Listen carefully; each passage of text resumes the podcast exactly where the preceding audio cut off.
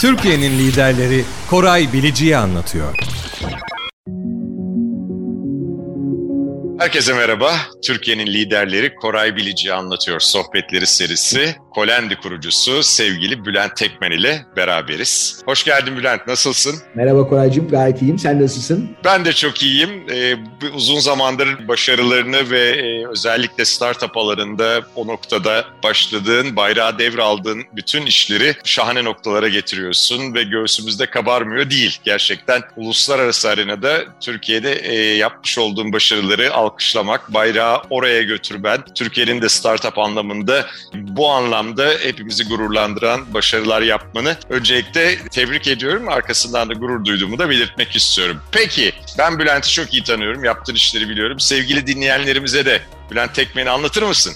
Çok sağ ol Koraycığım. Öncelikle e, nazik kelimeler ve nazik cümleler için. Tabii ki keyifle anlatırım. Hayatım boyunca hep girişimcilik ekosistemi içinde yer aldım. Yani hiç profesyonel çalışmadım. Bunun artısını ve eksisini çok yaşadım. En son kurduğum bir şirket, hani Mekanist diye bir şirket kurmuştuk. Onu Zomato'ya, Hindistanlı bir girişime sattık. O güzel bir, e, benim hayatımdaki önemli, enteresan tecrübelerden birisiydi. Sonrasında Ininal e, diye bir Türkiye'deki ilk esasında elektronik para şirketini hayata geçirdim. Orada da çok ilginç bir tecrübe olduğunu söyleyebilirim. Çünkü 4 milyon kullanıcıya o hızda ulaşmış paranın dijitalleşmesi sürecinde Türkiye'de bankacılık sektörünün bu kadar geliştiği bir e, ülkede %40 unbanked, underbanked bankacılık sistemi dışında kalmış insana bir fayda yaratabilmenin e, imkanını e, gördüm ve fırsatı esasında orada hem yatırımcılarım hem ortaklarım hem de ekibimle beraber hayata geçirme şansını yakalamıştım. Sonrasında da orada yaşadıklarımızın esasında en kritik belki de e, bize öğrettiği şey bu gelişen dünya ihtiyaçları Web 1.0, Web 2.0, Web 3.0 dünyası diye de adlandırabileceğimiz her şirketin bir gün fintech şirketi olacağı vizyonu. Every company will be a fintech company dediğimiz dünyanın ne kadar yakın olduğunu esasında anlama fırsatı verdi bana. Biz Inal'dan 2016 yılında hisselerimizi satarak çıktık Sonrasında da ben 2017-2018'i Kolendi fikrini hayata geçirmek için altyapıyı geliştirmekle aslında uğraştım desem yeridir. Ve Kolendi ile e, hayalimiz 100 milyon kullanıcıya, 100 milyon finansal kullanıcıya ulaşan, Türkiye'den globalde başarı öykülerinin arasına girmeye çalışan yeni bir girişim e, olarak doğduk ve e, en son seri A yatırımımızda 39 milyon dolar gibi bir yatırım aldık. Dünyanın önde gelen yatırımcılarından hem finansal teknolojiler hem finans dünyası diyebilirim. Şirketimiz Londra'da İstanbul İstanbul merkezli bir ARGE ofisimiz ve e, yüzün üzerinde mühendisimiz var. Burada daha başlangıç diyoruz buna. Türkiye'den çıkan başarı öykülerinin arasında da olmak istememizin sebebi de Getir gibi, Peak Games gibi, Gram Games gibi esasında Trendyol gibi çok güzel değerlemelere ulaşmış şirketlerin arasına kendimizi e, katmaya çalışıyoruz ve e, global expansion'ımız da önce İngiltere ile sonra da Avrupa Birliği ülkeleriyle olacak inşallah deyip çok kısa bir girizgah yapmış olayım. Bence kısa bile anlattın çünkü yaptığın bütün girişimleri ben bildiğim için getirdiğin nokta arasında gayet kısa ve briefti. Yalnız biraz daha açmak istediğim konulardan bir tanesi biraz önce bahsettin. Every company will be a fintech company dedik. Yani her şirket aslında e, bir gün fintech şirketi olarak bir dönüşüm sağlayacak. Yani aslında bu işi biz seninle konuştuğumuzda pandemi öncesi bambaşka bir gündemde seninle konuşmuştuk ve o tarihte bile bu vizyonun vardı ve bugün dünyanın dönüştüğü noktada da bunu görüyoruz. Bence bu konuyu biraz daha konuşalım mı? Her şirketin bir gün muhakkak e, fintech şirketi olacağı gerçeğini. Keyifle. Ya bizim e, senle esasında dediğin gibi özellikle pandeminin insan hayatına etkisini, ihtiyaçlarına ve beklentilerine etkisini tartıştığımız zamanlarda e, birinci belki de ihtiyaç her zaman e, bir ihtiyacı gidermek için er ya da geç bir ödeme hayatımızın içine giriyordu ve bu ödeme sistemindeki frictionless veya herhangi bir engeli ortadan kaldıran her yapının e, ne kadar fark yarattığını esasında gördüğümüz bir dünya vardı. Bunlardan bir tanesi e, çok, çok da bildiğimiz, çok yakınen de gördüğümüz Uber gibi bir dünya ile başlamıştı. Uber'de e, arabayı çağırıp arabadan ödemenizi bir şekilde telefonunuzdan yapıp çıkma dünyası herkesi çok mutlu eden, inanılmaz bir experience olarak gördüğü ve neredeyse her şeyi mobile taşıdığı o dünya bizim için e, ilginç bir paylaşım ekosisteminin, o sharing ekonominin ve üstüne de ödeme sistemlerinin ne kadar frictionless olması gerektiğinin güzel bir örneği olarak hayatımıza çıktı, girdi. Ve e, pandemide de gördüğümüz şu oldu. Bütün şirketlerin esasında müşteriye hizmet edebilmek için uzaktan ödeme alabilmesi, servislerini sunabilmesi ve belki de o full stack ihtiyacı yani bütün uçtan uca sağlayacağı servislerin tamamını sonlandırdığı nokta ödeme hizmetine denk geliyor ve ödemenin hayatın içine girdiği elektronik entegrasyonların, dijital entegrasyonların ötesinde full dijital bir yaşam döngüsüne girdiği, o Ready Player One'daki gibi oyunla gerçeğin birbirine karıştığı ve bu dünyanın esasında her oyuncusunu retail'dan telkoya, ulaşımdan eve servise kadar farklı alanlardaki her şirketin fintech komponentinin ne kadar önemli olduğunu da anlamasına yol açtı ve her şirketin bir şekilde bir cüzdan ile o son kullanıcısına ulaştığı noktada cüzdandaki payını arttırma ihtiyacından every company will be a fintech company veya her şirketin bir fintech şirketi olması gerçeğe hayatımıza çok daha net girmeye başladı. 2019-2020'de bunu hissettik. 21-22 zaten rakamlarla bunu gösterdi. 23-24-25 bakalım neler getirecek. Ben çok daha heyecanlı bir gündem olacağına inanıyorum açıkçası. Gerçekten gelecek bize çok fazla değişikliklerle geliyor. Bunların hepsine uyum sağlayacak kadar kendimize de e, yatırım yapıyoruz, yapmalıyız diye düşünüyorum. Bu dönemde de en çok duyduğumuz, gördüğümüz ve bir şekilde hayatımızda olan bir kavram var. Bu da programlanabilir para. Bunu da e, aslında şey olarak bu konuların en değer verdiğim yorumlarından bir tanesi de bu olacaktır. Konuşalım mı bu konuyu?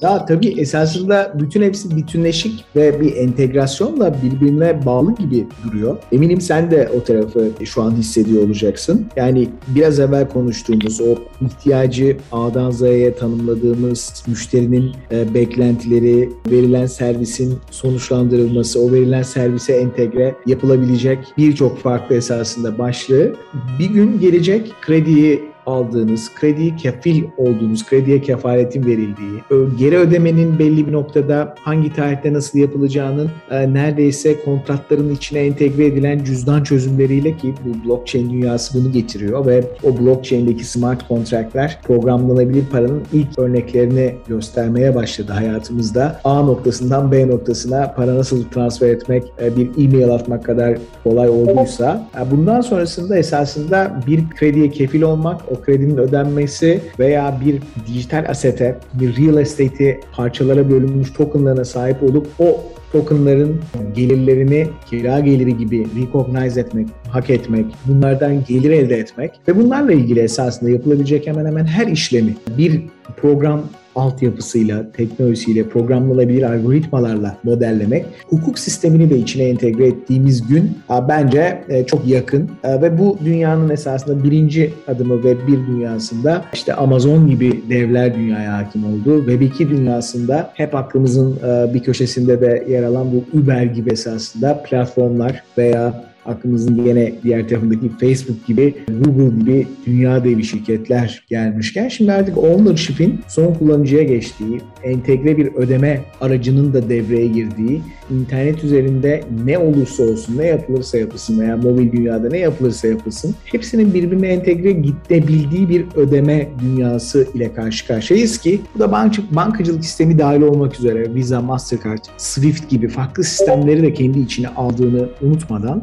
programlanabilirden kastımızın da o biraz evvelki söylediğimiz sofistike bankacılık servislerinin basite indirgenmiş. Yani nelerimiz var? Pay, Send, Spend, Track dediğimiz ödeme ile ilgili herhangi bir parayı transfer etmek, bir faturayı ödemek, bir arkadaşınıza e, para transfer etmek ya da e, bir restoranda, kahve, kafede veya bir markette kredi kartınıza ya da debit kartınıza ödeme yapmaktan bahsettiğimiz şeyler artık çok hayatımızın içinde. Üzerindeki credit, invest, insure gibi yani bir kredi alabilme, krediyi buy now, pay later, mikro kredi gibi farklı seviyelerde ihtiyaca göre şekillendirebilme. Bu krediye kefil olacak insanların nerelerden, ne şekilde, kimlere kefil olduğunu aslında elektronik olarak neredeyse modelleyebildiği e, ve bunların sigortalanabildiği veya yatırım yapmak istediklerinde fractional herhangi bir şey alabildikleri gibi hisse senedi de olabilir bu. Türkiye'den ya da yurt dışından herhangi bir şirketin ya da belki de yarın öbür gün göreceğimiz Levent'teki bir e, otel odasının onda biri, yüzde biri, binde biri gibi tokenize bir aset alıp o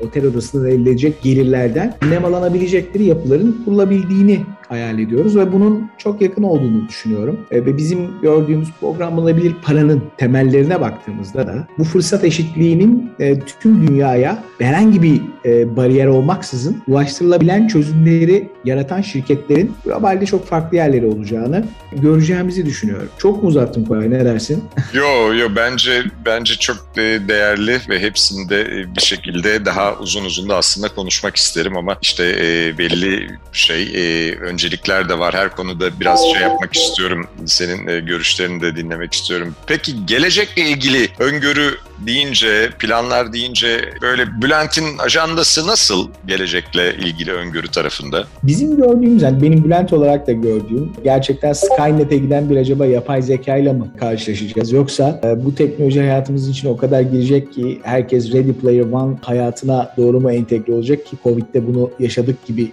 geliyor. Yani augmented reality, metaverse ve gerçek hayatın e, hangisinin gerçek olduğunu, hangisinin oyun olduğunu, hangisinin virtual olduğunu karıştırdığımız bir dünyaya doğru e, bizi alıştırdığını, adapte ettiğini hissettim. E, ve e, bu tip bir dünyayı yönetecek olan o Skynet içinde herhalde Tesla'nın data structure mı diyelim, neural network'ün Elon Musk'ın yatırım yaptığı yapının mı bizi acaba yönetmek için bir meritokrasi based demokrasiyi değiştirecek bir yapı mı getirecekler acaba? Teknoloji devleri gibi hayalleri bilim kurgu ürünlerine esasında daha yakın düşünmeye başladım. Sonra e, şu gün gündemde yaşadığımız tabii gerçek dünyanın o kadar da hızlı değişmeyeceğini tekrar hatırladık. Hem yakın coğrafyamızdaki e, olaylar hem bizim gördüğümüz ekonomik beklentilerle beraber ekonomik dünyadaki gelişmeler e, bu teknolojinin de o kadar da hızlı hayata girmeyeceğini, o insanların hayatını değiştirmek içinse daha farklı bir belki de zaman dilimine doğru kaydığı bu beklentinin bir beklenti içinde herkes. O yüzden tekrar biz dedik ki ya bizim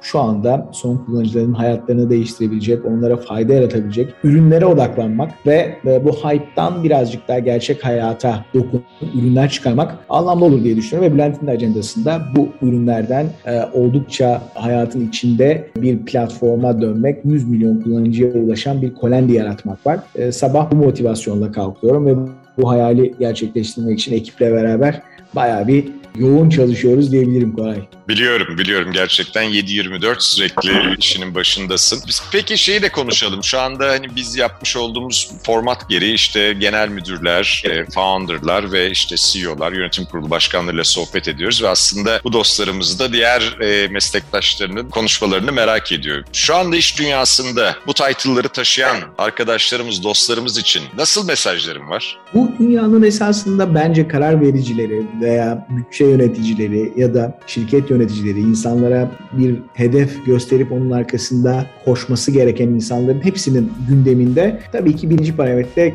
gerçekten işlerini iyi yapabilmek, başarılı KPI'lerle e, daha ileri götürebilmek ve kapitalizmin gerçeği karlı şirketler, karlı yapılar hayata geçirebilmek. Ama bugün geldiğimiz dünyanın esasında belki de bariyerleri kaldırdığı, teknolojiyle beraber e, gelişen esasında farklı e, imkanlarla son kullanıcının ihtiyaçlarınınsa sonsuza doğru gitti. Yani ben şimdi düğmeye bastım 15 dakika sonra evime ne istersen gelsin. İsterse getirden, yemek sepetinden, Migros'tan, Migros hemenden bir şeyler getirsin ya da e, Boyner Nav'la e, eve deri ceket getirsin seviyesine gittiği bir dünyada tüketici ihtiyaçlarının limitlerinin kalktığı border diye bir ihtiyaç skalasının kalmadığı bir dünyada hepimizin işi çok daha zorlaştı. Ben kendi alanımdaki özellikle teknolojiyle finansal teknolojiyi ve finansı birleştirdiğimiz dünyada bu pandemideki para piyasalarındaki hareketlerin, inanılmaz para bolluğunun bugün geldiğimiz noktada enflasyonun dünyada çok ciddi bir problem yarattığı ve farklı tüketici ihtiyaçlarının neden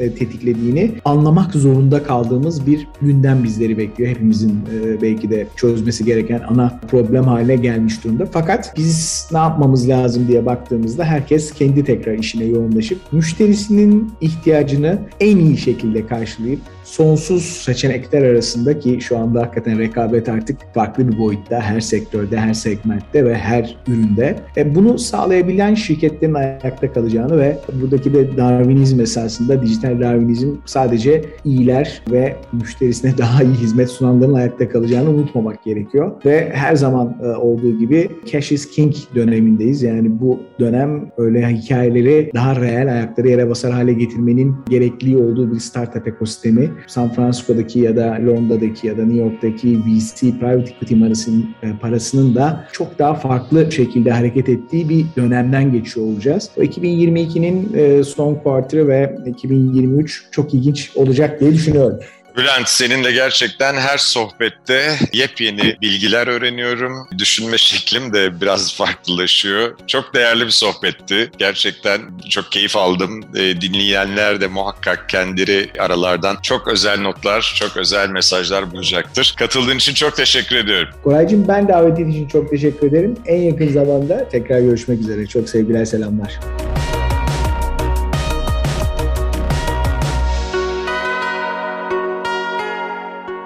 Türkiye'nin liderleri Koray Bilici'yi anlattı. Bir sonraki podcast'te görüşmek üzere.